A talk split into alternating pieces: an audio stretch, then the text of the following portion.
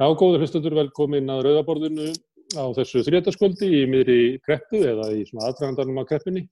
Í kvöld ætlum við að hafa þrískiptan þátt. Hérna í loking kemur Ragnar Þór Ingólfsson, formaður Vaffer og við ætlum fyrst og fremst að ræða um, um lífyrirsjóðakerfið sem okkur hefur verið kept að væri besta lífyrirsjóðakerfi í heimi.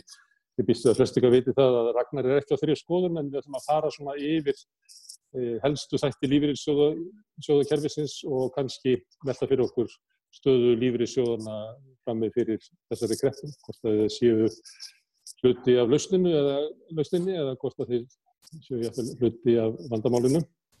Uh, áður en að því kemur þá talaði ég við Sævar Finnbóðarsson, hann er formaður líðræðisfélagsins Öldunar og við ætlum að ræða svona um ímis uh, líðræðismál, hvort að, að líðræði uh, sé svona til, lagt til hlýðar þegar hérna, harnar í dalnum eða verður erfitt ástand hvort að stjórnundum hætti til þess að fara bara að ráða og mika samráð út í samfélagið að, að aðgerðir og hugmyndir séu síður skoðaðar með þeim sem að, að, að kannski málið standa, standa næst og líðræði í fjölmunum og, og fleiri slíkar hætti. En til að byrja með að þá ætlum við að ræða um, um námsmenn og stúdenta og til þess að gera það eru komin hingað komnar hingað Sigrún Jónsdóttir, hún er fórseti landsabas íslenska stúdenta og Jóna Þóri Pétursdóttir sem er fórseti stúdentarraðs Háskóla Íslands.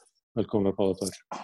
Um, það, það eru fyrst og fremst uh, það mál sem helst hefur verið í deglunni svona undarfalla daga og vikur varðandi námsmenn og stúdenta. Það er sumarvinnan, uh, það er komin kreppa og, og kannski svo atunugrein sem að kannski tók flesta námsmenn til sín yfir, yfir sumarið ferðaðiðnaðurinn eða þjónustan er, eiginlega þurkast út, verður lítið um að vera í sumar. Hvað, segðu mér Jóna, hvað er það sem að, að þið gerir kröfum sem er ekki í aðgerðum stjórnvalda? Það sem við gerum kröfum og er ekki komið fram í aðgerðum stjórnvalda er helst fjárhagsöryggi með rétti til atvinnuleysisbóta Eh, það er þannig að 70% tæplega íslenska námsmanna vinna samhliðanámi og eru þar með að greiða í atvinnuleysis tryggingasjóð. Þetta greiða þar atvinnu tryggingagjald af sínum launum og, og það fer í sjóðin en svo eiga stúdentar engan rétt úr sjóðunum. Og það er líka þannig á Íslandi að tæplega 90% stúdenta vinna á sumrin almennt. Eh, þannig að fólk og stúdentar almennt eru hluti að vinnuafli landsins en eiga samt engan rétt til atvinnuleysisbóta og þetta var auðvitað ekki, ekki svona, það var þannig í áratvíi til 1. janúar 2010 að stúdendar nutu verndar aðurleistringakjörðsins bara til jafnsveðara því að þeir greiða í sjóðin og svo er þetta tekið af stúdendum þannig að 2010 og við viljum í rauninu bara sjá þetta leiðrétt og við höfum sama fjárherslega öryggisnet og aðri landsmenn. Um, þetta er svona það helsta sem hefur staðið út af milli sko okkar krafna og, og þeirra aðgerða sem að stjórnvöld hafa bóðað Svo er það bara þannig að aturleysi hjá stúdendum stefnir í kringum 7000 stúdenta síðast þegar við könnum það og störfin hljóða upp á í kringum 3400 störf eins og er sem að döga þá vantarlega ekki. En við lítum þannig á bara að þetta helst líka í hendur. Það þýðir ekki annarkór störf eða aturleysbætur heldur þetta þarf að renna saman til þess að, að þau, þeir stúdendar sem að komast ekki að í störfin hafi hérna öryggisnett. Þannig að það er svona stærsta sem að stendur út af þarna hjá okkar mati. Sigrún, eh, Ásmundur Einar Daðarsson, félagsmálaróður, hann var í Silfrinu á sundaginn og hann eh, vildi ekki útvöga námsfólki andrunisbætur, heldur bara búa til störf, heldur að vera miklu betri leið. Eh, hvað hérna, hefðu þið á mótu því að hann vildi galdra 7-8.000 störf, ristaði fram verminni? Væri það ásættanlegt eða er, er krafan um að fá atvinnspætur snýstað um einhvern veginn að hafa meira frelsu um hvað maður gerir eða, eða hvað um hvað snýst? Akkur um, um hafniði þessu sjónarmiði hans? Þetta var svona náttúrulega hans sjónarmið sem kom fram í þættinum var sett fram myndir sem er frekar niðrandi hætti og, og, og það er svona kannski að halda sem er gaggrindum þegar hann uh, leta í orð falla allir vilja fá fjármagn fyrir að gera ekki neitt og þetta er eins og Jóna kom inn á núna er að við höfum um mitt verið að tala fyrir því að skapa sumastöru samhliða rétti til aðeinleysins bóta.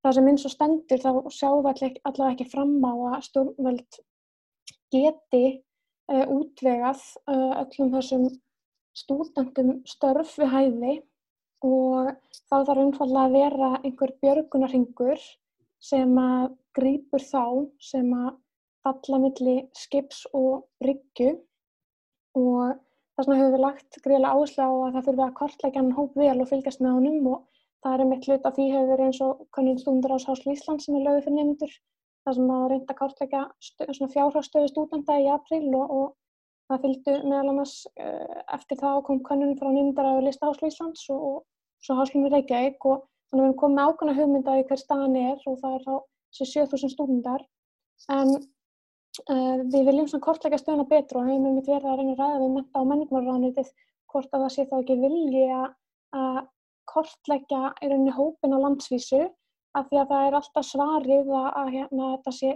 neyðarúrræði að gefa rétt til aðunleysisbóta og að tíminn mun leiða ljós hvernig hlutinir þróast. Uh, en spurningin er þá hvenar er tímabært að gefa stúnum rétt? Við talum að það sé núna vegna þess að prófatíð er að klárast hjá stúdendum, það er bara rétt handin á hornið og þannig að í rauninni sumarið er að hefjast. Og, og hérna þannig að við skilum ekki alveg hvað, hvað er að býða eftir.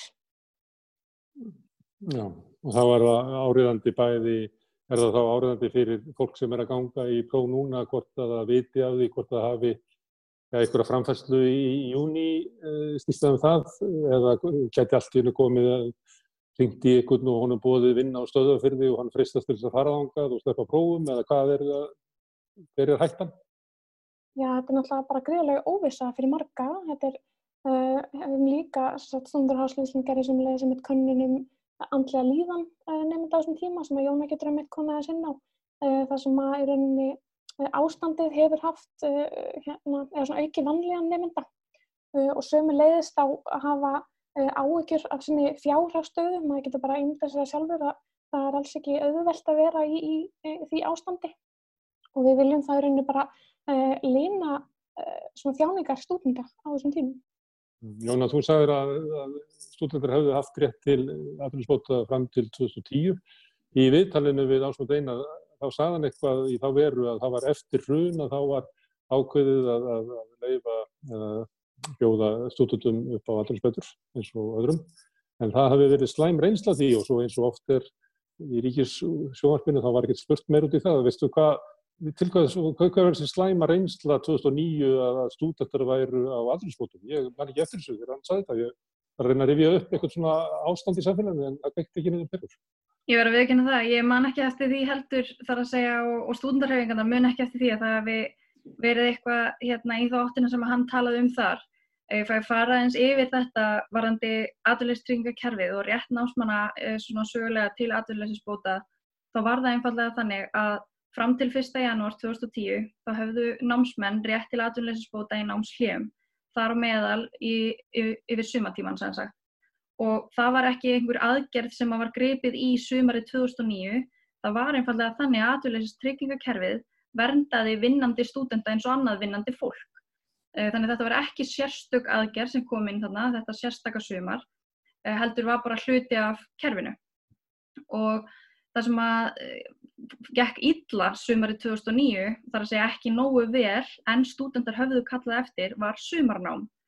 Og sumarnámið var einhver krafa, eða var krafa sem kom fram frá stúdendarhefingunum frá november 2008 þegar það var ljóstað að stemdi í hrun og þegar það var ljóstað að stemdi í atvinnuleysi og og sumar námskrafan á þeim tíma var lögð fram til þess að forða stúdendum af atvinnuleysisbótum sumarið eftir. Og, og það er prófað og sumarnámið fer í gang og það bara gengur ekki eins vel og, og allir hefðu vonað. Um, þannig að sumarið 2010 er þá farið í þetta sumarstarfa áttak sem hann vísar til og þar með réttur stúdenda til atvinnuleysisbóta afnumin á móti. Eh, það komustu þetta ekki allir að í þessi sumarstörf sem að voru búið upp á þarna 2010, rétt eins og við erum að benda á að mun gerast núna og við viljum að það sé gert betur við stúdenta núna og fjárhásauðryggisnetið sé í raun og veru tryggt, ekki að það verði eitthvað annarkort eða og happa glappa hvort að fólk uh, hafi framfæslu í sumar með störfunum eða ekki. Má ég spyrja, hvað segjum að ég sé námsmaður og ég fæ ekki vinnu og ég á ekki efnaða fórundran, ég get ekki farið hérna heim til pappa og mömmu og þau sjá fyrir mér í sumar. Hvað, hvað ger ég? Fer ég inn á velferðsvið Reykjavíkuborgar og, og fæ þar, hvað er það, 160 skallið eitthvað sem maður er hægt að fá þar. Við höfum miklu langt fyrir neðan allar bætur, sko. Það er, er það valgostin? Það segja þess að þetta sveitar eins og sagt það ekki náttúrulega. Já, þetta lítur allt út fyrir það að ef að það verður ekkert gert varandi atvinnleysisbætunar og, og rétt fólks uh, í samræmi við greiðslur þeirra í atvinnleysistryggingarsjóð uh, að þá lendir þetta á sveitafélagunum. En það er auðvitað ekkert búið að tala um það og það er auðvitað ekkert búið að koma fram og skýrt fram að, að þetta brúsin, það þarf að borga brúsan einhver stað frá og annarkort þarf fjármagnið að koma frá sveitafélagunum að því að námsmenn eiga enga annað kost á völ en að leita þangað uh, eða þá þeir bara lenda í leiði og, og í fátækt og nöðsinn kennir nættri konu og allt það en, en þá veit maður ekki hvað verður um fólk sem bara horfir fram á mjög erfiðar aðstæður og, og úrreðaleysi. Og ég ekki fyrir skráningagjöldum í skólana næsta höst og annan svona kostna sem er búið að flytja yfir á námsleik sem er gennum tíðina. Akkurat og graf, staðan er raun og bara graf alvarleg og þetta er hluti námsmanna sagt, strax í sko mánamótin april-mæ þá var 14% námsmanna við Háskóla Íslands í þeirri stöðu að eiga ekki fyrir útgjöldum þeirra mánamóta. Þannig að fólk er strax uh, hægt að geta staðið undir leigunni sinni, segi ég, uh, og, og nöðsynjum og er kannski nú þegar byrjað að leita til sveitufélagana, við reyndar erum ekki komið með tölur þaðan, en, en staðan er bara lungu orðin graf alvarleg. Það byrjaði í marsa að segja fólki. Segur hún, hvaða tímamökk er þetta, hérna, hvenar, hvenar er síðasta greiðslan út úr lánasögnum á árinu?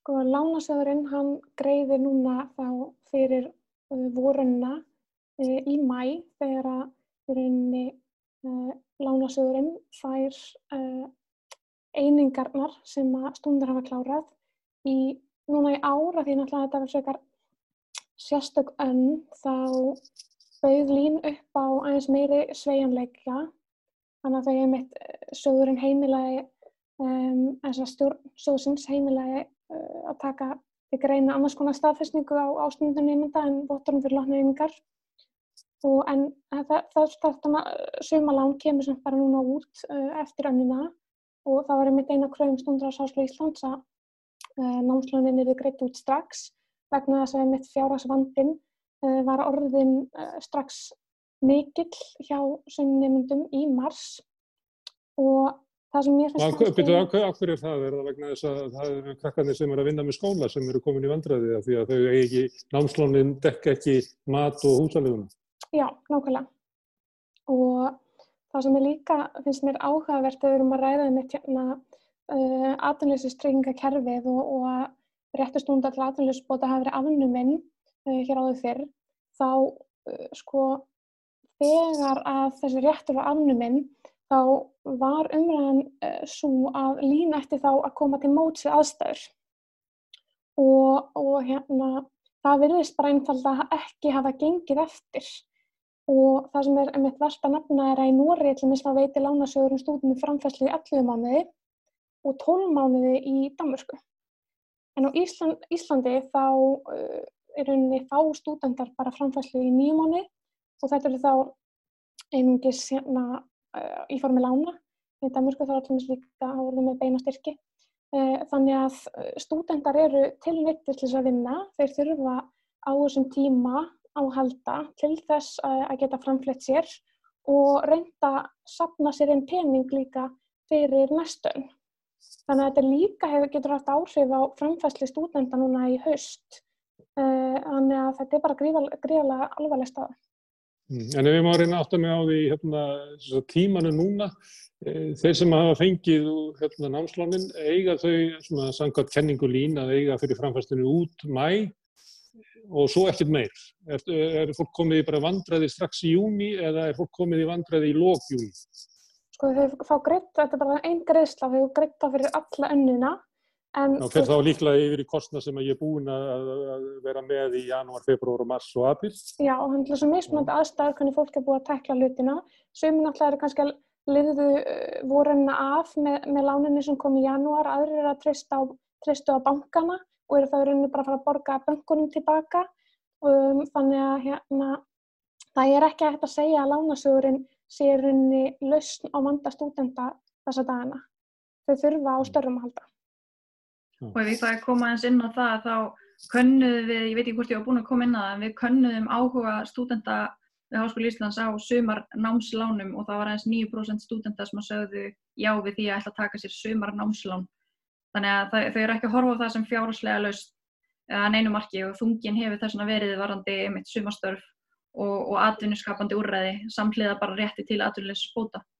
Þetta verður þá hlutvalli sem við getum reiknað með að myndu fara út í sumar nám ef það verður í bóði. Það verður svona 7% af hópum. Það var, það var aðeins meiri áhuga á sko sumar náminu sjálfu og það er þá væntalega einmitt hjá fólkinu sem sko þarf uh, er í heimahúsi og eru ekki með þessar áhugjur af legugreðslum og svo framvegis uh, því að stúdendahópurinn er mjög fjölbreytur en sá hópur sem að þarf á framfæslunni í raun og veru að halda er ekki að horfa á sumar námslánin sem sína lust sko.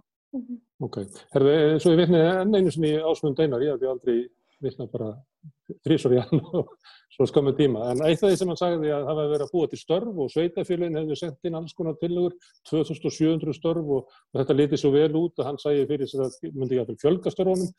Hvers konar störf er þetta, vitið þið það? Hvað, eiga námsmenn að fara að rækta skó eða fara að þrýfa götur eða hvað er námsmenn að fara að gera? Í þessari svona hálfgerðu atvinnubóta vinnu sem hefur óbyrður að búa til.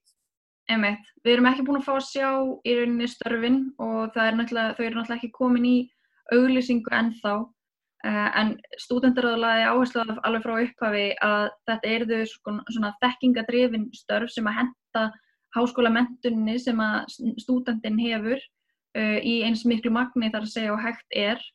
Uh, við erum auðvitað ekki að, að tala um bara hvaða störf sem er, það þarf að vera einmitt störf við hæfi og hérna í samræmi við kjærasamninga og allt það. En ég uh, fyrðað mér reyndar á einu bara varðandi sko, fjölgun starfana og hversu mörg störfin uh, eiga síðan að verða. Við höfum ekkert fengið að vita um að það verði eitthvað meira fjármagn heldur en hefur verið lofað í nú þegar. Það er að segja fjármagnið var 2,2 uh, miljardar í 3000 störf í takmarkaðan tíma í sumar. Það var talað um skiptingu þarna 1000 til sveitafélaga, 2000 til ríkis ef að þeir að vera 3000 eins og hann talaði um tefnilega til sveitafélagana á það að vera á kostna sveitafélagana eða á það að vera á kostna ríkisins. Ég er bara eftir að fá að sjá það og þá er endilega bara innspýting og fjármagning í það endilega en það breytir því samt ekki að það þarf að tryggja fjárasörgi fyrir þá sem mun ekki koma stað. Mm. Því óttist það geta verði svona vinna að þegar Íslandika þarf að ferða þeirra annars í sumar þá má ég sjá svona hóp af stúdendum að, að móka þjóðvegu eitt. Ég var ekki komin svo langt sko en við erum auðvitað eftir að fylgjast vel með því hver, hvert frambóðið verður. Sigrún, hvað ætlað þú að fara að gera í sumar? Það ég má spyrja því. Uh, ég er bara svo heppinn að vera í námi þar sem er oftast þörf á uh, starffólki sem er innan uh, helbreyðstættarnar. Þannig að ég verða á landsbytalum í sumar. Og í svona starfsnám einhvers svona? Já, er henni bara sem, sem er borgað, var ekki búið að taka af ljósmaðurum eða ekki, það er fengið ekki borgað fyrir vinnuna sína? Hefur, jú, það var sett á aftur hjá, með hérna ljósmaðunar en hérna í rauninni eh, flest verknám á, á landsbytalinum er ólaunað sem er þá hluti af námi þá á helst í Háskóla Íslands og Háskóla Sakureyri og mm. hérna en við, þegar við vinnum á sömrin þá fáum við allavega laun þannig að við getum allavega það er alltaf uh, nöðsynlegt til þess að mann á að framflýtta sér á þessum tímum. Mm, Jóna, má ég spyrja þig, hvað þú ætlar að vera að gera í sumar? Já, ég er bara að klára mitt starfsár sem fórsetið stúdendarás núna í vikunni reyndar og ætla að taka mér smá nokkra vikur í bara að gera ekki neitt eftir þessa, þetta kistlu ár og var í rauninni ekki komið lengra en það bara vegna annað við að sinna störfum mínum þannig að það var bara eftir að koma í ljós hvað ég ger í sumar. Og röskva sem að ja, þið til er í báðar, þið voru að vinna stóran sigur í, í svona vormánuðum. Já, Rösku vann sem sagt uh, kostningarsigur núna í síðustu kostningum til stúdendarás. Uh, eru, það var sögulegu sigur, það var þrýr fjóruðu meiri hluti uh, hjá Rösku og, og Rösku fekk báða fulltrúa í háskólaráði. En það er að gera, það er að koma upp róta kynnslóð eða er stúdendar að gefast upp á, á nýfrálsvíkinni og lofórðum um að hérna, markaðurinn munni bergöðnum hlutum? Það er kannski, ég átta mig ekki alveg á því hvað er að gerast en ég vil náttúrulega bara meina það að þetta er ánægja með störf fóristu stúndar á síðustu þryggja ára sem hefur verið eh, rösku fórista hinga til. Hmm. Ég þakka ykkur kjallaði fyrir að, hérna, að kíkja hinga rauðaborðinu. Ég lærði margt af ykkar að því að ræða við ykkur miklu meira heldur en ég lærði að því að, að hérna, hlusta á ásmund einar, ég hvet ríkisúttarpi til þess að fara við ykkur eins og hann. En nú ætla ég að skipta yfir í önnur mál. Uh, Sævar Fimbósson, hann er formaður hérna, Líðræðisfélagsins Öldunar og hvað segir þau Sævar, hérna, líðræðis sinnar, þetta er ekki góðu tími fyrir ykkur? Já, þú segir nokkuð. Sko, ég reyndar ekki formaður öldunar, við erum svo ofbóðslega, líðræðislega, við erum ekki eins og með formann, sko. Svo, hérna, er ekki, er ekki. En hvað segir þú, er, er, er, líð, líðræði í hættu á, á þessum tímum? Uh, það, það hefur verið gaggrind hérna við rauðaborðið að til dæmis hvernig ríkistjórnum tekur ákvarðanir að fólk upplifið að svolítið svolítið að, að þrý ráðherrar raunverulega, ekki fleiri, lókið sér í herbergjum með, með ráðunöndistjórnum sínum og komið sér út með lausningar. Það vantir samráð, ég held að við tekið eftir í samfélaginu undan, að það vantir stórkost samráð við námsfólk í ákvarðunum það hvernig að mæta þeirra vanda og þar hvernig upplifið þú þessar ákvarðana ferli í stjórnvalda? Ég er ofbóðslega skeftískur á þetta, þessar vinnuaðferðir sem eru notaðar. Og ég held, sko, ég hef nú gaggrínt þetta alveg frá því bara daginn sem að stóra, hérna, fyrsti stóri aðgerðapakkin var kynntur að mér líka ekki þessi vinnubröð, sko, eins og þú ert að lýsa þessu, þetta er svona, ég er farin að kalla þetta aðgerðapakka stjórnmál þar sem að ríkistjórnin einmitt vinnur svona bak við tjöldin að einhverju tillögugerð og svo er stokkið til og þetta er kynnt á einhverjum bladamannafundum, kannski með glæru kynningu eða einhverju slíku, uh, svona bara eins og orðin hlutur. Og uh, við vitum ekki nákvæmlega við hverjar haft samráð eða hversu mikið, hversu mikið tillit er tekið til allra sjónamiða og eh, þetta náttúrulega þetta er bara ofsalega vond á þessum tímum þegar við þurfum að reyna einhvern veginn að ná utanum ástandið að vera að afgreða hlutina. Annars vegar í sko hlutinir eru afgreðið með miklum hraði vegna þess að það búin til þrýstingur með því að koma með hlutina svona senkt fram og kynna það með þessum hætti sem er gert og alltaf er þetta gert bara rétt fyrir einhvað deadline. Þetta eru, sko, þetta eru allt saman náttúrulega svona þekkt vinnubröð úr svona playbookinu sem að sletti aðeins. Og ég hef miklar efasendur um þetta og við sjáum líka hvað gerist þegar að uh, stjórnmálumenn vinna svona. Hættan á því að það séu gerð einhver mistök hún ekst John, alveg. Guðrún Johnson, hérna herrfæðingur sem að byrja í bandaríkanum, hún hefur gaggrind þetta á tvennum fórsöndum annars vegar hefur hann sagt að eftir 2008 þá hafi verið kallað að borðinu sagt, svona fólk með eitthvað þekkingu á því sem að vera að gerast mjög víða. Það hefur verið svona dreygina þekkinga í allstaður úr samfélaginu sem hún sakna núna. Svo í öðru lagi þá voru gaggrind að hvernig þetta er kynnt og ég held að hann hafi tekið dæmi að þrýeikinu sem er að kynna sóttvarnirnar að þar er þetta mhm. kynnt eins og almenningur sé sko gerandi, það hefur verið að reyna að fá almenning til að skilja hverju áhennir hvað hann getur mm. gert, hvers vegna það er mikilvægt og hún, hún hefur sagt að þetta eiginlega vantar í kynningar uh, ríkistjónarinnar þar sem að, að mann er ekki kynnt þetta eins og maður sé svona þessu sem að mér finnst skiptamáli hvort að það sé áarpað eins og að, almenningur hafi völdin og þetta sé þeirra samfélag eða hvort að almenningur sé áarpaður eins og hann sé að fá bóð frá konginum eða, eða guði. Já, en það er náttúrulega svolítið það sem gerist þegar að vinnubröðin eru á þennan veg. Þessi aðgerðapakka stjórnmál, sagt, þau fela það í sér. Þetta er svona það sem við kallum í fræðunum áhorfendalýðræði. Uh, almenningur er í rauninni settur í hlutverk áhorfanda að einhverju atbyrðarás. Þetta er sjálf og sér ekkit nýtt. Þetta, hérna, þannig að við getum sko klappað fyrir síningunni eða, eða púað á uh, hérna, listamennina og þetta er bara leiðileg síning og, og, og hérna, við erum ekki ána með það og einhverði þáveruna. En við erum ekki raunverulegi þáttakendur í ferlinu og, og það má kannski segja að að hérna þegar að þessi lýsing sem að þú nefndir þarna varandi þrýækið og hvernig það hefur fjallað um hlutina e, hún ájafvel ekki við vegna þess að þrýækið þarna ertu með sérfræðinga sem eru í rauninni bara að kynna sko, ok, hvernig geti þið farið að til þess að draga úr smithættu í samfélaginu.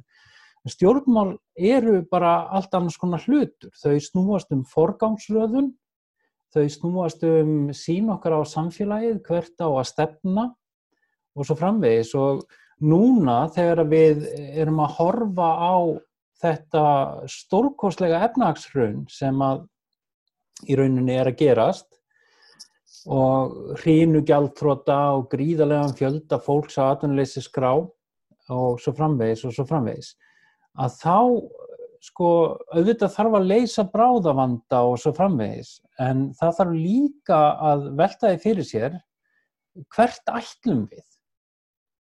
Hvernig ætlum við að vinna okkur út úr þessu? Og það þarf að tala við þjóðina um það. Það er ekki nóg að tala bara við samtöku atvinnulífsins og ASI Það var andi svona, við tölum um hérna, handvottin, um þessu Já. við sem að muni vinna okkur út á kreppinu og við þurfum að lifa af kreppuna, það er eiginlega mikilvægast að sem að geti gerst er að við lifum af kreppuna. Og já, já. Þannig að ef að, að ríkistöndum myndi áarpa landslýð eins og þrýegi gerði, þá myndi það segja ef þú ert að klára nám í Háskóla Íslands og ert kvíðinn fyrir afkominni í sumar, að mm. þá er bóðu upp á að þú getur skoðað það að fara í sumarnám síðan getur við hérna, skoðað þessa valkosti sem við erum búin að stilla upp á þessari síðu um sumastarf og ef þú finnur ekki þar þá getur þú sótt um aðrunninsbætur og vonir á öðrum þú veist ég, það, það er engin hópur í samfélaginu sem að ríkistjórnum hefur áarp með þessum hætti, það voru öryrkjar og fleiri hérna, hópuð eftir því að þeir eru sérstaklega áarpaður vegna uh, aukist kostnað sem að þau eru þess valdandi og þau gátt ekki farið í búð og eitthvað fleira, fólk sem að var að vera í einangrun út af sko undirlíkjandi sjúkdómum án þess að kannski mm -hmm. hafa verið greind með COVID og öðru slíku, það var ekki áarpað, það var bent á það að að, að hjálpastofnarnir sem hafðu verið að gefa mat hafðu lokað, þannig að fólk sem var háð því, kannski mjög fljóðlega mhm. upp á mánagamótum, að það var aldrei ávarpat og svo framvegis og svo framvegis og svo framvegis. Þannig að spurningum hver, hver vandamál er, þannig að Ég held að vandamáli sé kannski ekki bara það að ríkistjórnin ávarpi einhverju hópa, heldur líka hlusti. Hmm. Það er, það er, þarna komum við aftur að þessum vanda sko varðandi þessi aðgerðarpakkastjórnmál og þetta áhórandalýraði sem að sem við erum í að, að hérna, þegar mikið likur við uh, og í aðstæðum eins og núna þá, þá er kannski ekki eins mikil þólumæði fyrir því að vera stunda einhvað viðtækt almenningssamráð uh, og að vera að kalla alla að borðinu. Og sko ég held að einmitt sko akkurat núna þá þurfum við að fara að gera það. Við þurfum, við þurfum að kalla kalla fólk að borðinu við, vegna þess að öðruvísi heyrum við ekki þessi sjónamið sem þú ert að tala um. Mm. Þannig að einhvern getur sagt að líðræðið er svo tímafrekt, við erum ekki að þessu, þannig að við hendur líðræðinu og svo tökum við það bara upp setna. Þú ert ekki á því, þú heldur að koma ekki að betri niðurstuður út úr líðræðislegri ákvörðun heldur en að það sé ákveða fámunum, lokuðum hópi inn í einhverjum bakkar.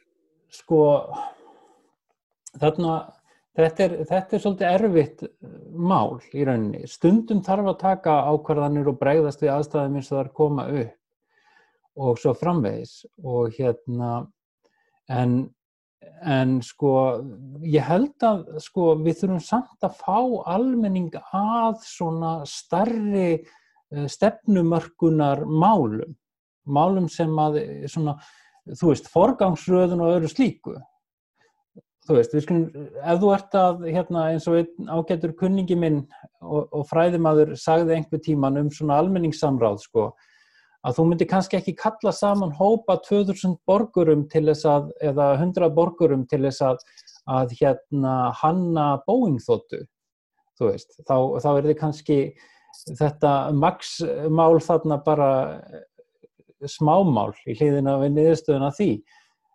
Og hérna það var alveg ómögulegt. Það var betra að láta bara einhverju sérfræðing að gera þetta. En, en svo þegar maður hugsa þetta betur þá viltu kannski fá almenning að borðinu til þess að sko segja til um það hvers konar flugvel við þurfum. Eða hvers konar flugfélag við þurfum svo við tölum já, til dæmis við erum að fá æslandir í fangi þannig að við ættum kannski að vera að spurja samfélagið Hvað, ég meina, hvert viljið þið fljúa? Hvað er nöðsilegt? Ef það fyrir til New York Já. eða Boston eða London eða þurfum að fara til Tenerife eða Já, já, einmitt. einmitt. Samfélagi geti ekki ákvörðum þetta og það annað ákvarðanir sem sem að við- eru á borðinu, ætla aðeins að segja, vegna þess að þú ert að tala um svona grundvallarmál. Í þessari kreppu eru raunverulega mikið grundvallarmál á borðinu því að það er raunverulega verið að ákveða hvers konar samfélag Nákvæmlega. verði til hér eftir kreppu. Algjörlega. Og við, við, til dæmis okkur í öldu bara sem að taka þennan þráð áfram, sko, við erum mikið að velta fyrir okkur fjármálakerfinu og, og hérna höfum mikið áhuga á samfélagsböngum. Þú veist, þetta, er þetta ekki einhvað sem að, sem að við ættum öll að vera að ræða, við ættum að vera að, að opna þessa umræðu og fá almenning með að borðinu í að ræða þetta, en það er alltaf þessi til, tilneying sko til þess að halda að fjármálakerfi sé svo flókið að venjulegt fólk get ekki skilið þetta og svo framvegis. En þar sem að venjulegu fólki, bara almenningi er hleyft að borðinu í svona stefnumörkun, þá kemur í ljós að fólk getur þetta. Endalust dæmi um, um alls konar almenningssamráð og borgaraþing og fleira og fleira út um allan heim sína það að almenningur getur þetta og við veitum líka að við höfum tækni sem að gerir mögulegt að gera alls konar hluti sem að mönnum datt aldrei í hug þegar þetta fulltrúa líraðiskerfi sem við búum við í dag eh, hérna var, var hannað og komið á koppin sko eh, á, á hérna 18. og 19. öld þegar að síminn var bara fjarlægur draumur sko Mm. Ég er hérna gammal blaðamaður og ég hérna, Mhm. hef mm, mér hefur svolítið, svolítið sorglegt hvernig fjölmiðlar hafa staðið sig svona undan á 2-3 mánuði og Já. uh, að sömuleiti er þetta skiljanlegt þess að það er svo rosalegur massi af upplýsingu sem að þurfa að koma frá stjórnvöldum kannski frá sóttvarnar yfirvöldum fyrst uh, útskýra fyrir fólki hver ástandið er og það tekur svona Já. viss trými og svo koma, kemur ríkistjórnum með sína bakka og það tekur viss trými En svo er eins og það sé bara eiginlega ekkert pláss fyrir sko umræðu sem að mér fannst vera háskalegt á tímum samkominnbansa sem almenningur hafði raunverulega litla möguleika til að halda utan um umræðu og, og hlutverk fjölmjölana í að halda upp umræðunni var engar Já. mikið. Og, og mér fannst á þessu tíma eins og fjölmjölani væri eiginlega ólýðræðslu fyrir að vera ekki áarpa hlustendur eins og að þeir væru, væri mikilvægt að þeir áttu sig á ástandinu og að þeir ættu að vera þáttakatur í því. Heldur frekar að þetta væri svona einhliða eh, skilabóð frá yfirvöldum til almennings eins og við værum sko þegnar frekar en borgarar. Ég veit ekki Já, hvort að já. þú hefur uppið þetta svona, en mér fannst þetta sláandi. Ég, ég hef haft svolítið áhyggjur af fjölmjölum í þessu ástandi vegna þess að ég upplýði þetta svona líka. Uh, auðvitað er náttúrulega ein, ein, ein hliðin á þessu svo að fjölmjölar fyrir utan kannski í ríkisútvarpið og, og sín kannski að einhverju leiti eru afskaplega veikburða og uh, það er svona megnið af þeim massa af netmiðlum sem við sjáum eru lítið að gera annað en að bara endurbyrta einhverjar tilkynningar frá almannatenglum og eitthvað slíkt. Það, það er rosalega stór hlut af því sem að þessi miðlar eru að gera og hvort sem það eru almannatenglar uh, ríkistjórnarinnar eða stjórnmálaflokka eða eitthvað slíkt og, eða fyrirtækja og svona og, og þa- þannig að þetta er ákveðið vandamáli, þeir eru veikburða en við verðum líka átt á því að við, þetta er ofsalega lítill markaður og það er erfitt að halda úti öflugum uh, engareknum fjölmjölum í, á svona litlu markaði í samkeppni við síðan þú veist, alla þessa ókeipis netmiðla og Netflix og hvað þetta heitir nú ekki allt saman. Þannig Það að þetta er lýs ekki orðið mín mjög- átt eiginlega einna mest við rúf, sko. Ég er ekki að, ég er ekki að kvarta þessum yfir því að, að sko, ég menna kjarnin og stundin stóðu Mm. sér ágætlega miða við stærð, en ríkisútarfið stóðu sér illa miða við stærð. Já, við, vor, sko, við vorum svolítið svona, sko við Íslandikar, við höfum svolítið tilneyingu til þess að, að hérna, eh, saminast einhvern veginn svona um öll einhver einstök mál og, og verða bara fullkomlega ógaggrínin eins og við vorum hérna fyrir, fyrir síðasta hrun, sko, Mm. gagast útrásinu og bankakerfinu og öllu þessu og núna einhvern veginn vorum við sko öll að hlýða víði sko meðan við vorum almannavarnir og, og bara gaggríni bara almennt var ekkert eh, svona þessar fyrstu vikur ekkert sérstaklega vinsæl fólk vildi hana ekkert mikið og Nú Nú átti að... að- að velta fyrir sér hvort hún eigi að segja hú eða koma svo. Já, þú veist, það, við áttum að standa saman, það var svolítið hérna stemmingin og þetta er, þetta er sko einn helsti styrkleiki og líka veikleiki okkar sem þjóðar einhvern veginn. Við getum komið alveg ótrúlegustu hlutum í verk einmitt út af þessu en svo kannski hlaupum við öll fram af brúninni saman sko eins og hérna 2008, þú veist, þegar að þegar við vorum öll sammálum það að, að hérna útrásin væri stórkoslega og við ættum helst að verða alþjóðlega fjármálamiðstöð sko. Hérna e, þegar ungd fólk kemur í einan þátt og sérstaklega fólk sem komst í vits og ára á nýfjölsíkjárunum eins og, eins og maður segir. Að þá -hmm. er það tvent sem að, að kemur fram í þeirra frásök sem bæði er hættulegt örfulega líðræðin annars verður það ólust upp við það að að pólitísk þáttaka væri ekki góðs að það væri stjórnmálinn væri órein og verkefliðsparata væri órein að það væri fólk sem væri meira minna og ótað sínum bóta, dota og, og svona þessu hugmyndum að einhver gæti unnið fyrir hagsmunum annara var nýfröskja trúið ekki á það jú, jú. Og, og, og það væri framtíðin að við ættum að byggja samfélag það væri ekki trúið á því heldur svona frekar að samfélag ætti að koma svona frá markanum, frá okkur, þannig að við eh, líðræðisvettangurinn ætti að halda þessar höndunum og þá myndi framtíðin koma, besta framtíð, allra framtíða kæmi eh, allsköpuð einhvern veginn út frá markanum. Þetta var annars vegar þetta. Svo hins vegar e, ótrúleg hérna, vonbriði með stjórnmáð, að fólk er bara já, já.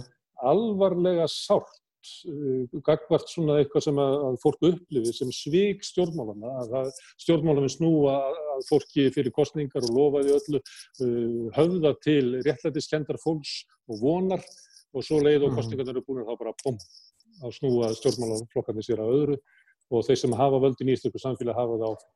Þannig að trúin á líðræðið og svona líðræðisvettvangin ég, ég veit ekki, ég held að það hefur bara aldrei verið umari heldur en núna, ekki þessi mörgu ár sem ég hef lifað.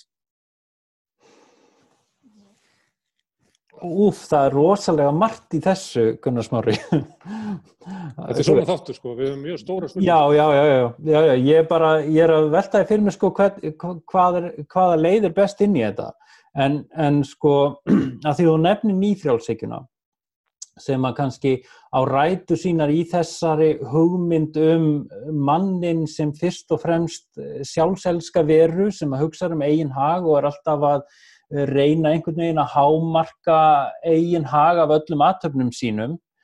Sko, þessi hugmynd eh, hefur nú fengið hressilega baukinn undanfarið.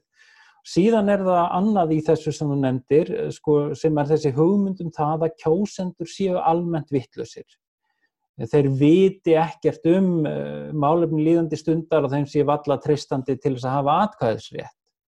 Sem að maður sér mjög víða þú veist bara e, þegar að sko sömur, sömur kollegar mínir, sko nú er ég heimsbyggingur og stundar liðræðarsansóknir og sömur kollegar mínir eru að gera skoðanakannir þar sem þeir eru að láta fólk svara einhverjum þekkingaspurningum sem eru rauninni minni spurningar um það e, hver er einhver landbúnaðar á þeirra eða einhver svoleiðis og ef þú getur ekki nefnt uh, hann á nafn þá er það dæmið það hversu hérna ómögulegur kjósandið þú ert sem á helst ekki hafa atkvæðisrétt.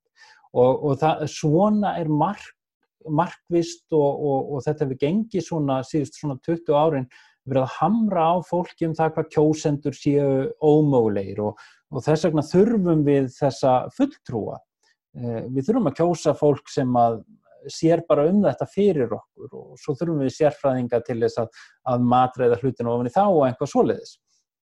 Og, en það er að verða vatna skil í þessu og, og við erum bara að sjá þetta vegna þess að það búið að, sko eins og ég var að lýsa á þann í þessu randi mínu um, um borgaraþingin og, og crowdsourcing og alla þessar hluti sem við verðum að gera núna og hafa svona sífærst í aukana eftir síðasta hrun þegar það fór að renna upp fyrir fólki að, að sko líðræðið er í vanda.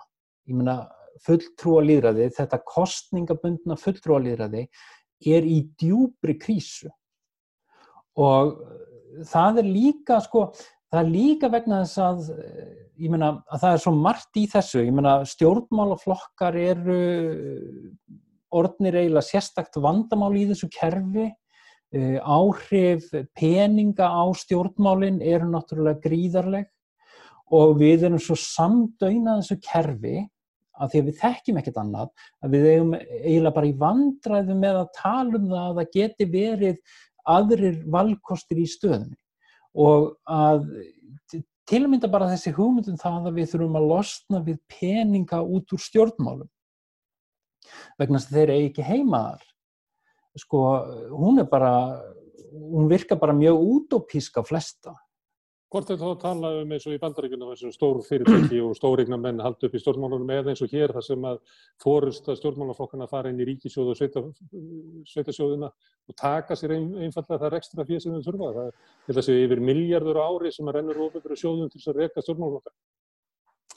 Það er ekki bara það. Sumir stjórnmálaflokkar hafa líka aðgangað öðru fjö sem að gefur þeim forskot ég meina, ég gerir ráð fyrir því að, að enginn sé svo barnalegur að halda að aðgengi stjórnmálaflokka fjármunum hafi engin áhrif. Það hefur auðvitað mikil áhrif og e, sumir stjórnmálaflokkar hafa bara vegna stefnu sinnar og, og málefnaskrár allt annan aðganga að fjármagni en aðri flokkar. Veist, þetta, er, þetta er bara hlutur sem við vitum, meina þetta þetta er bara eins og að benda á að heiminin er blár en þetta hefur, þetta hefur augljóslega áhrif og við kjósum bara yfirleitt að horfa fram hjá því að þetta sé einhvað alvarlegt vandamál.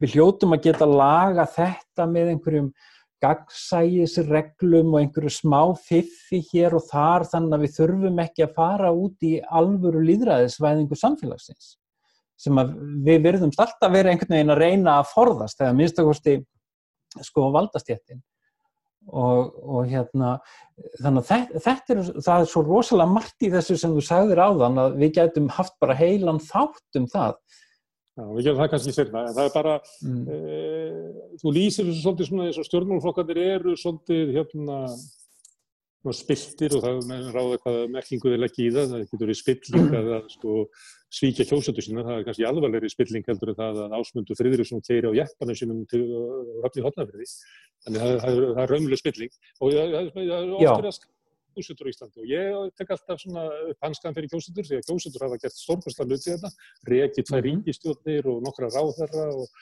og hent út brúnekkum út úr hérna, púðunum og, oft almenningur í Íslandi hefur verið sínt meiri virkni eftir hrun heldur en almenningur í flestum öru landur. Og ég segi ofta á svona, ég meina, hvað á, á kjósendur að gera? Hann kemur, þetta er ekki þessi kræsileg hlaðbór sem hann valdi Veist, þetta er eins og bara allra versta morguverðal hafðborða og lélegasta gistiheimili á landinu. Það sem að þú lappar kannski að þú ert svangur og verður að taka hérna skorpið bónusbröð og, og harðan ost og lætur það hafa það frekar um drepast úr hungri. Það er ekki svo í kostningu sem fólk að velja sko allra besta kostin sem ég ekki bífunda með. Fólk er að kjósa bara að, að, að ílskásta mörgum slæmum kostum. Og þá er það spurningin, hvernig ætlar að ná fram einhverjum raunvölu breytingum ef að þetta er hlaðborðið sem við verðum alltaf að fara í gegnum því að þú nær ekki þínu breytingun ef að flokkarnir og fulltrúarnir takja undir þær því að það er alltaf, þeir eru alltaf á milli okkar og ákvarðana. Já, ég, ég vil náttúrulega, sko, ég á eiginlega bara mjög erfitt með að svara þessari spurningu, sko, vegna þess að ég vil meina það að við þurfum eiginlega að draga úr vægi stjórnmálaflokkana sko. Þú veist, við erum með kerfi núna sem að, sem að gera það verkum að, að sko, stjórnmálaflokkarnir sem eru fyrir á fleti eru alltaf í sterkastri stöðu. Ég meina, þeir hafa náttúrulega aðgang að fjármagninu frá hinn og ofinbera. Þeir eru líka með sko, stopnarna struktúrin sem að gagnast við það að, að halda völdum og svo framvegist. Þannig að það, það er eitt í þessu. En varandi það sem hún sagðir, og ég held að þetta sé mjög mikilvægur punktur sem við verðum bara að horfast í augu við og tengist því sem ég var að segja á þann, að sko, þú veist, og ég náttúrulega er heimsbyggingur, þannig ég þarf ekki alltaf að vera neitt rosalega praktískur og ég get bara að benda á vandamálinn eins og þið eru, þú veist, og, og stýðið svolítið út fyrir raunveruleikan sem að, sem að við erum svona að glýma við frá degi til dag sko. Eh, já, hvað ætlaði ég eftir að fara að segja? Mm. Það er vandamálið, hvernig maður þarf að ná fram breytingum í gegnum halv ónýtt kerfi? Já, sko, það, ég menna, þetta, þetta er staða sem að, sem að er einhvern veginn, það er einhvern veginn sko ómögulegt að komast út úr henni. Þú veist, fólkið inn í þessum stofnunum er ekkit vond fólk. Þú veist, ég meina, ég er svona málkunnugur fórsætisráþaranum og þetta er frábær kona. Og, og ég meina, þú varst að tala við hann Andrés sem að, hérna, lappaði út úr, út úr sko flokknum hennar. Og þetta er frábær náungi. Ljóngreindur og stálheiðalegur og ég meina, þú veist, alþingi er fullt af góðu fólki. Flokkarnir eru fullir af góðu fólki og, og og efnilegt fólk kemur inn í þessa flokka. En við höfum vita það í meira en öll að flokkar eru valdastofnunir sem breyta fólki. Og til þess að komast áfram inn í þessu kerfi að þá þartu að aðlaga þig að kerfinu og þú veist flokk, það er ekkert hver sem er sem kemst áfram í stjórnmálum þú þart að ná eirum fólks, þú þart að geta orðað hugsanir þinnar hratt og vel og skilmerkilega eða hafa aðgang og sambönd og svo framvegis. Og, og þannig að sko kerfið aðlagar okkur að sjálfum sér. Og við, við bara Robert Michaels hérna, sem var ítalsk þýskur fræðimaður hann rannsakaði þíska sósjaldemokrataflokkin í byrjun síðustu aldar og bara kortlagði hvernig þetta virkar. Þetta er kallað The Iron Law of Oligarchy og hann sagði, á endanum sagði hann að það var hægt að sumera þessu upp svona sko að, að hérna sem sagt valdspillir Járnefi klíkuvæðingarnar Já, ég kalla þetta fáveld, fáveldislögmálið. Ah. þú veist, og hann vildi meina það, ég meina valdspillir og þar sem að bjúrokrasja verður til, þar verður til vald. Það, þú veist þannig að þetta er ekki það að, að það sé einhvað að þessu fólki. Megnið að þessu er frábært fólk þú veist, og, og ég meina við, við, við erum bara að tala um stjórnmál sko, við erum ekki að tala um sálarlíf fólks eða, eða sálarheil, við erum um stjórnmálum um félagsildir Já, og við, að... við erum að tala um það að kerfið sjálft að, að það setur fólki ákveðna skóldur, það býr til ákveðna kvata fyrir ákveðna hegðun sem að, sem að síðan raungerist í þessum stjórnmálum sem við búum við og sitjum uppi með og síðan erum við öll áhörfundur að, að þessari sápuóperu og erum alltaf einhvern veginn í svona reactionary mode þú veist að, að rýfast yfir einhverjum smámunum og einhverju sem að hvernig félagsmálar á þeirra orðaði hlutina á einhver svona. Erðu Sævar, ég þakka fyrir spjallið að sinni, þú kemur hérna ekki með sérna til okkar. Það er hérna hingað komin Ragnar Þór Ingólfsson og við ætlum að tala um lífeyrisöðakerfið Þannig að því að þú ert búin að vera að tala svolítið um flokkakerfið og ég veit að Ragnar Já. er mikill, mikill aðdáðandi flokkakerfiðsins að það er að byrja að, að spörja hann um það. Hérna, Já, ég, ég hlakka til að heyri Ragnari. Já. Hvað segir Ragnar? Hérna, heldur að setja ná einhverju breytingum í gegnum þetta flokkakerfið sem að Sævar var að lýsa? Já, já, ég held að sko allir þeir sem að eru að Segja, taka þátt í að reyna að breyta hlutunum, hljóta að hafa trú að því að þeir geti breyst uh, og þá til þess betra. Samanskapi hef ég trú á því að hægt sé að breyta uh, lífriðsjóðakerfinu og taka rauninni sko, heildar endur skoðun á, á grunnframfæslu kerfunum okkar, almannatryggingakerfinu og, og uh, segja, samina í eitt gott samkjönd kerfi en ekki hanga á kerfi sem að mismunnar tekihópum og, og, og samfélagshópum svo gróðlega eins og til dæmis uh, samspil almenna trygginga við lífyrirsjóðun að gera. En eftir að leggja það til að séu samin að tryggingastofnum ríkisins og lífyrirsjóðunir um að, að sinna framfærslu eftirluna fólks og, og öryrkja? Ég held að það sé fátt hana í stöðun heldur en að, að uh, ég allavega núverðanda kerfi það gengur ekki upp fyrir margra hluta sakir Uh, fyrir að fyrsta er alveg galið að uh, afkoma fólks uh, sé almennt tengd markaðs, markaðslegum fórsendum. Það er að segja, ef að lífeyrissjóðunir fá þessi skell, þá tapar fólkið framfæslu eins og gerist í hruninu 2008 og eftirmálinn þess að þar þurfti að skerða réttindi sjóðsfélag um 20% eða meira. Við veitum svo sem ekki hvaða áhrif þessi kreppa mun hafa á lífeyrissjóðuna til lengri tíma en það mun öruglega ekki verða mikið minni skellur sem að mun á endanum sjóðunins eru að taka. Og þá sjáum við það að uh, svo framfæsla sem að uh, eldri borgarar og, og, og örkulífeyristegar er að fá mun skerðast að einhverju leiti og, og ég bara sé ekki hvernig það dæmi á að ganga upp. Í blandi það að hér er verðlag uh, farið á skrið, hér eru uh, krónar vext um 20% frá áramótum. Og hvernig þá, þá geta gengið það, það reiknistæmi upp fyrir örkja og eldri borgara að verðlag hækki hér um 20% á móti því að lífið er mögulega skerðist. Síðan erum við með aðra kannski, sem er svona kannski grófasta misskipting kervisins. Það er það að það er þessi meðallauna útreikningur. Uh, Samkvæmt lögum uh, þá eiga lífeyrissjóðunir að tryggja 56% af meðallaunum einstaklings uh, yfir starfsæfina sem greitt hefur í 40 ár í lífeyrissjóð. Þetta þýðir að bankastjórin sem að hafi ofurlaun alla sína starfsæfi og gætt eignast leikandi uh, skuldlust takk yfir höfuðuð. Það er 56% af þessum uh, ofurlaunum. Á meðan lálaunakonan uh, sem gæti aldrei lifað af sínum og gæti aldrei eignast neitt og er jafnvel á leikumarkaði eða skuldar umtalsverðar fjárhæðir í sínu húsnaði að hún fær 56% eða samar hlutu all og bankastjórin af laununum sem hún gæti aldrei lifað af. Eh, þessir hópar síðan sem eru í legstu tekjustíðunum eru núna komir á líferi og þurfa þetta viðbótar framlag eh, frá tryggingastofnun.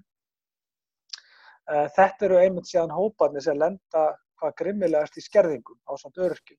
Það er að segja að hver króna er skert um annarkort aðra krónu eða, eða, eða um 80 öyra á krónu.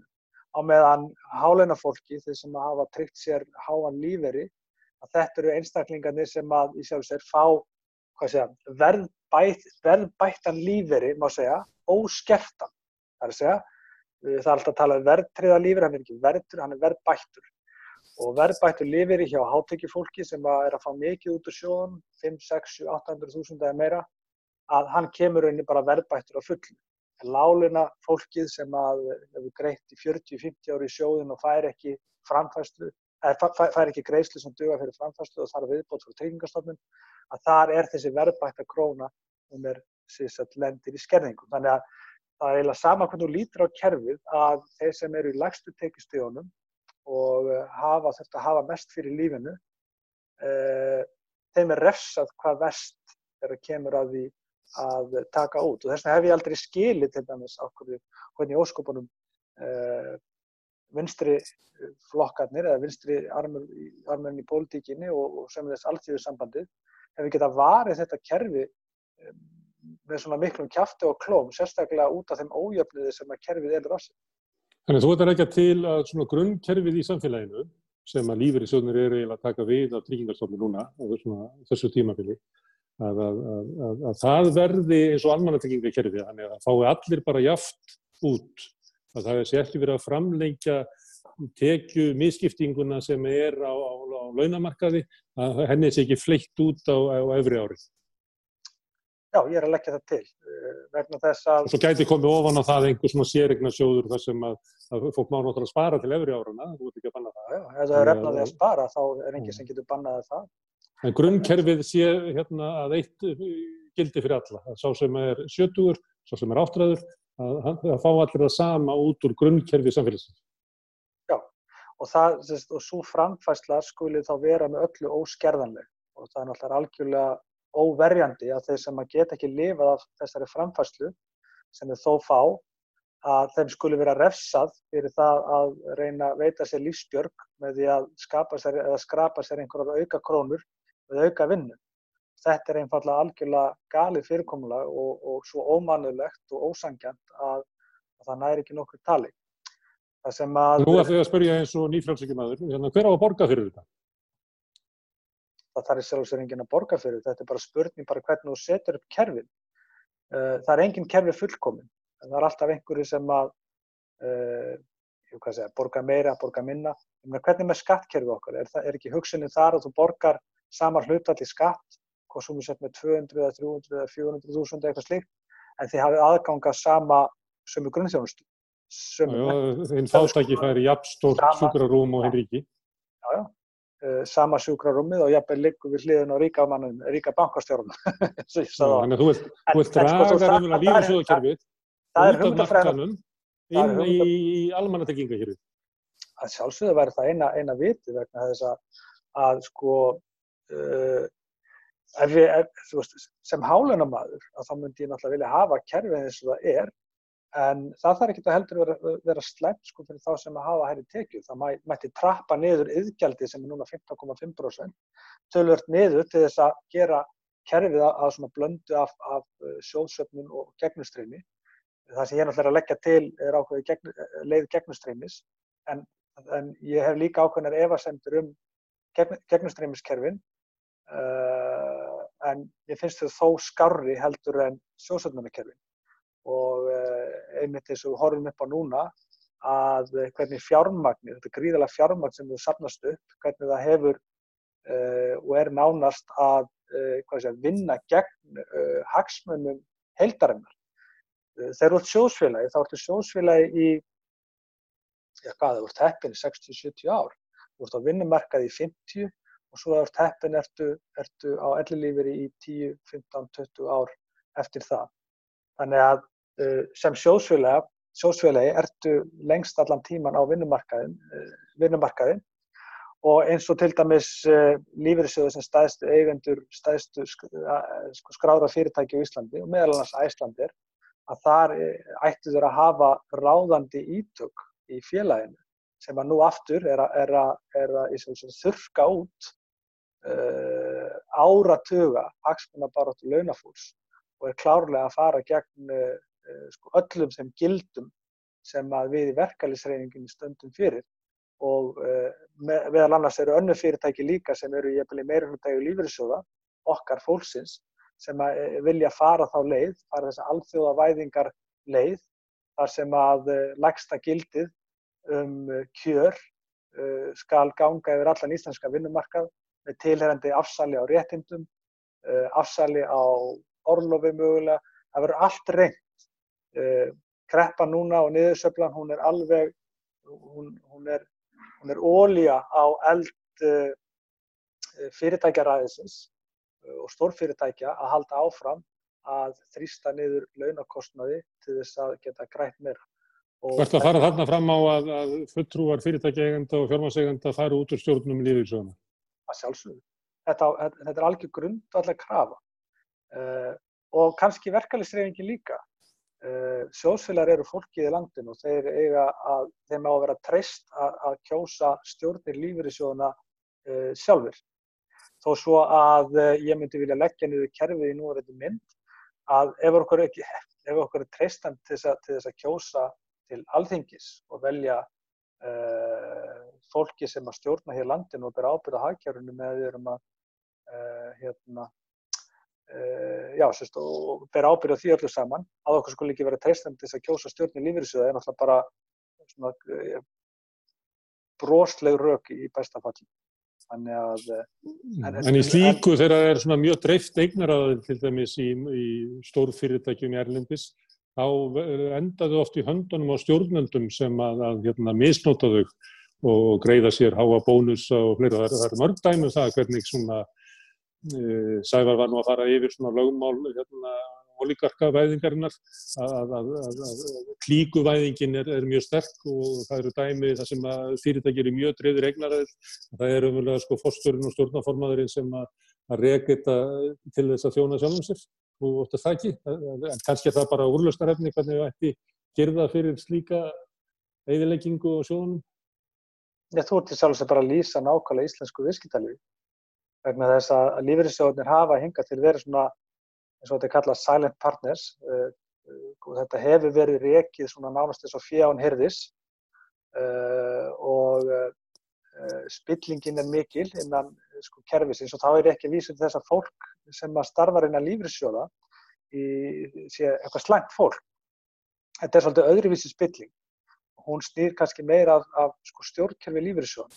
Stjórnir lífrissjóða bera uh, lagalega ábyrð á fjárfestingum lífrissjóðana en að samaskapi eða stjórnindar að vera eftirlýtsæðli. Þannig að ef eitthvað kemur upp á, til dæmis eins og, og gjaldmiðla samningarnir sem voru gerðir hérna í aðræðanda hrunsins, sem að allar afstofnarskíslur uh, staðfestu að væri kól ólöglegar og þar fóru stjórnin langt umfram fjárfestingaheimildi sínar.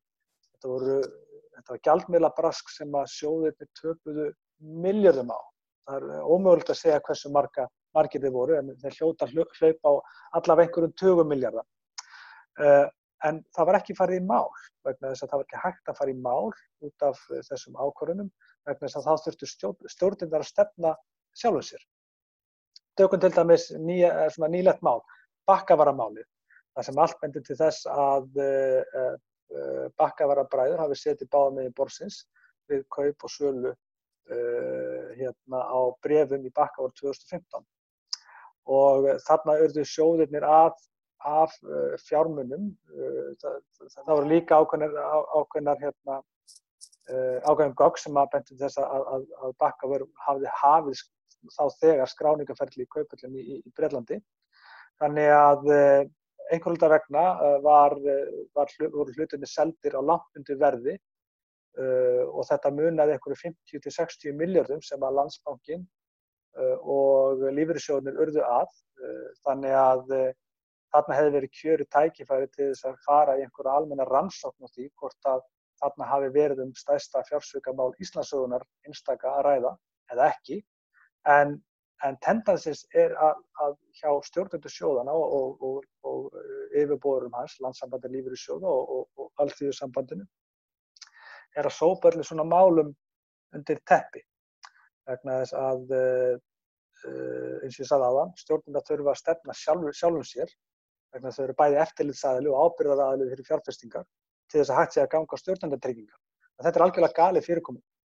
Mm. Síðan er það þannig að þegar þú ert að stýra svona stórum sjóði, svona risastór, að því miður þá hefur svona hugsunahátturinn verið svolítið fján herðis og hvatinn eh, þá frekar til þess að breyða yfir mistök, rángar ákvarðanir og beininnis uh, uh, mögulega glæpsamlegt at aðtæfi sem að jafnvel hefur verið stund að gagvart sjóðunum, að til þess að breyða yfir hlutana er miklu, miklu meiri heldur en að skoða og rannsaka.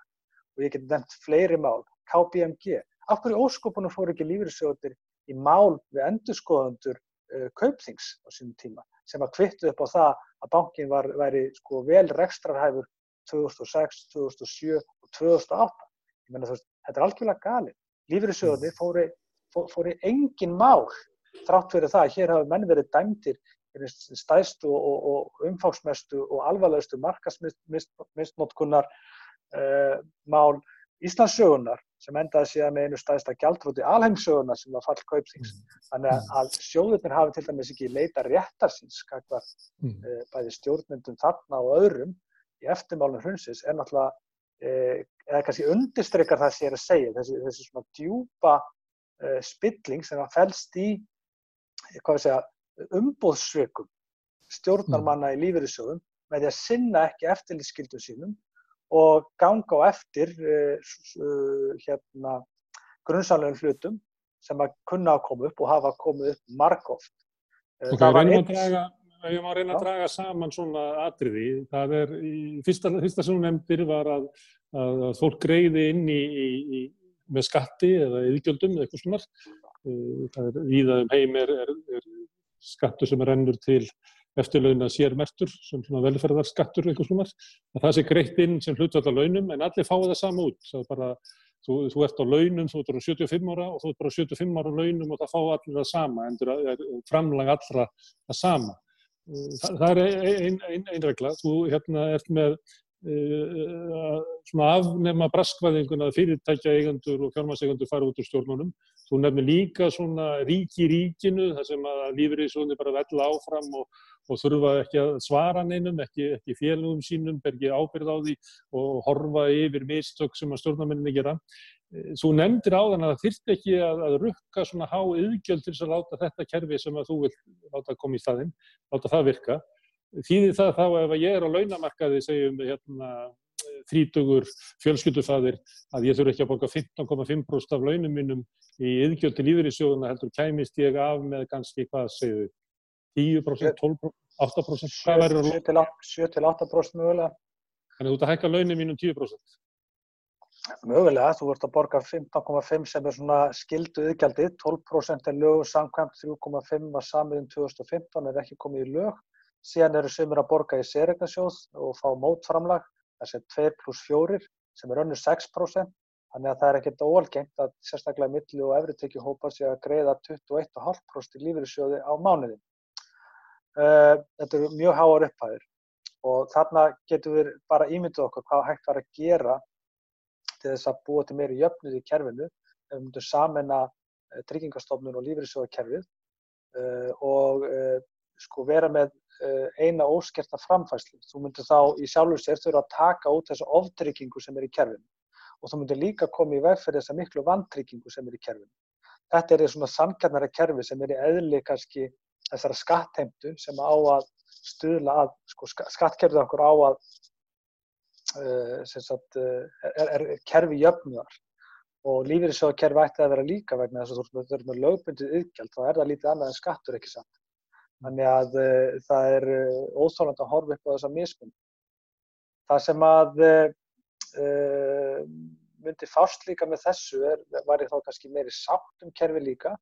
Uh, mismunin hún er svo djúb að það, þetta er svolítið langt mála að tala um. Við erum með kvennastjætti til dæmis sem að hafa kannski verið heimavennandi eða í hlutastörfum eða slíkt uh, og þær til dæmis uh, eru mjög hlunfardarinn í kerfinu, uh, sérstaklega þegar það kemur að skerðingum, að geta ekki framflasinn eitthvað aukulega heldur en að fá. Síðan erum við með líka stjettir sem að hafa ekki eins háan lífaldur. Er, sko, sjóðunir eru svo mismunandi að þú getur verið með sko, uh, sjóði sem eru með til dæmis hátt hlut alltaf konum uh, gefa mögulega læri réttindi þar sem lífandi hvernig er hærri en kalla heldur en uh, einhverju aðri sjóðir. Svo ertum við sjóðið þar sem eru kannski innamenn, innamannasjóðir eða, eða, eða verkamannasjóðir þar sem að menn eru bara of slittnir til þess að geta nýtt réttindi sín til lengri tíma. Þannig að þetta er svona, og, og, og mér finnst það líka að vera svolítið atriði að, að ef að við borgum í lífeyrissjóð uh, tver félagar, ég og Gunnarsmári sem að förum að vinna 17 ára gamlir borgum í síkvöld sjóðin, við getum verið að fá allt um réttind fyrir tíu skall. Þó svo um borgað sömu upp að þín. Já, svo, þó svo. Það er öðru í sér sjárfestingarstefna og eitt tapaði rosalega miklu á stók og Já, annað eitt. Og sér líka aldursamsetning og örgubyrði, hún getur verið mjög misspennandi eftir sjóðum og, og, og, og það, svo innbyggða misspunni skuli vera einhvern veginn inngrafin í sjóðan út frá starfstjættum. Svo ertu með ofnböru sjóðana, eins og til dæmis bjedeldina í LSR, þar sem að, uh, þar sem að þú ert rauninni með sko, tryggingu fyrir líferi verðtriðan. Þú getur valið hvort þú sért með verðtryggingu út frá sko, starfskjörum eða þróun starfskjara þeirra stjætta sem það vannst hjá eða uh, vísutölutryggingu og hún er bara treyð alveg saman hvort það séu til peningar eða ekki í sjóðunum. Þannig að þú ert með, sko, mismunin, já, kerfið er bara einn stór mismunin. Ragnar, við, hérna, undanfætt áratvíi hefur okkur verið sagt fænt að við erum með besta kvotakerfi heimi, besta fiskvöðstofnakerfi heimi og við erum með besta lífyrirsjóðakerfi heimi. Þú ert mjög skeptískur á lífyrirsjóðakerfið. Hefur þú eitthvað viðmannand? Ég er skeptískur allir sem kerfið sem nefndir. Það var flokkakerfið. En hefur þú eitthvað viðmannand til að vera líklegt að verkefnisreifingin muni setja þessi mál og oddin að taka upp almanna tryggingakerfi að svona að 20. fyrirmynd, svipað og sósjaldemokrata til dæmis börðust fyrir á, á Norðurlandunum 1920, 1930, 1940 að, þetta verði krafa verkefnsreyfingarnar eða ert þú algjör jáðarmadur inn í reyfingunni með þessari hugmyndir? Já, sko, ég, ég finnst eins og að fólk sé farið að skilja þetta eins betur. Kerfið hefur bara verið mjög flókið og óaðgengilegt fyrir fólk bara að skilja það. Og það stundum gert grínaði inn í stjórnsýslunni að kerfið sé svo flókið að sé bara einn eða tveir menn sem skilji það. Og mér finnst það að vera svona kannski uh, uh, sterkustu skilabóðum um það að þú verður að breyta kerfinu vegna þess að þú getur ekki réttlagt kerfi sem að fólk skilur ekki sem að nota það. Og síðan í annan stað að uh, og sem að fólk er að borga kannski 15-20% af launum sínum alla sína hunds og gata tíð inn í, inn í kerfið sem það skilur ekki. En svo farið yfirlitt reglulega frá lífyrirsjónum, þú hefur ekki hugmyndum hvað það þýðir. Uh, síðan uh, þegar það kemur að því að taka lífeyri, þá þarf þetta að fara í það að búið til tekju áallanir og fleira og þetta samspil byrjar að verða að krefja gamalt fólk sem að sko uh, sko sannlega getur ekki lifaði því sem það fær um endurgreislur út af því að fekk mögulega mikið einhverjum krónum eða, eða vantaldi hér eða þar. Þetta er bara svo, þetta er bara svo galið. Út yfir gröf og dauða, sko, það hefur verið að... Já, út yfir gröf og dauða, já. já. Þess vegna, þess vegna, og þetta er handónýtt þetta kerfi og við eigum þá bara að taka þessi kerfi og bara fyrir að fyrsta viðkjöna vandan. Leið og við viðkjöna vandan að þá erum við burðu til þess að fara að tala um hvað, hvað ber að gera. Ég satt í eh, nefndum endurskóðan almannatrygginga, minni mig eh, 2009, 10, 11 eitthvað svo leiðs, þar sem var verið að ræða endurskóðan á almannatryggingakerfinu og þessu samspili. Og endurskóðinu tók síðan það langan tíma að hún endaði með því að nefnda við um Pétur Eittis Blöndalæði fram til held ég 2018 februar minni mig. Þá var þetta búið að vera í gangi í taflega tíu ár og leið og, og, og þar breytingar fóru í gegn og þá var ákveð að fara strax aftur í aðra endurskoðun vegna þess að breytingarna voru algjörlega ómögulega. Þannig það er búið að reyna að plástra þetta kerfi áratöfum saman eða nánast frá því ég var komið á og ég held að sé bara komið tíma á að kasta inn eins og hangklæði. Ég er alls ekki á móti sjóðsöfnum eða, eða, eða og þú veist og ég held að gegnustræmiskerfin bara hrein og klár þau séu ekkert endilega sko, algjörlega lausnin en ég tel að við, ef við getum blandað þessu saman þar að segja uh, gegnumstreymi og sjóðsöfnum með einhverjum hætti þannig að ríki geti þá sapnaði sjóði þegar að markasaðstæður lifa eða, eða, eða aðstæður í hagkerfinu og sömulegis trappa niður sjóðsöfnuna eins og til dæmis árferði eins og núna er að þarf að nota uh, hverja einustu krónu sem við höfum til þess að byggja samfélagið og fara í innviða uppbyggingu. Þetta er svona, það þarf að vera þessi sveinjaleiki sem kerfið hefur ekki en annars munum við bara halda áfram 97 kom skellur 2001 netbóla sprakk og lífriðsjóði tóku skell lífriðsjóði tóku rosalega skell ástætt náttúrulega líka lífskjörum heimilina sko hér eftir hrun. Og hvað má vita hvað skellinu verður mikill núna. Og þetta mun gerast aftur og aftur og aftur alveg þannig að fólk átt að segja á því erðu, þú þurfum að fara að staldra aðeins við. Þetta gengur ekki lengur. Þú þurfum við bara að fara að aðtóa það hvort að þetta kerfi sé svona frábært. Eða alla þessar möndru sem okkur voru kenda þegar voru lítill um að þetta væri besta lífriðsjóðukerfi heimi, við varum öfunduð af þessu kerfi og þetta væri svo gott fyrir láleina fólkið, þetta er bara lígi og, og það mm. þarf bara að segja stundur hlutin eins og þeir eru. Mm. Þakka fyrir það Ragnar Þór Ingolfsson, formaðið að ferð.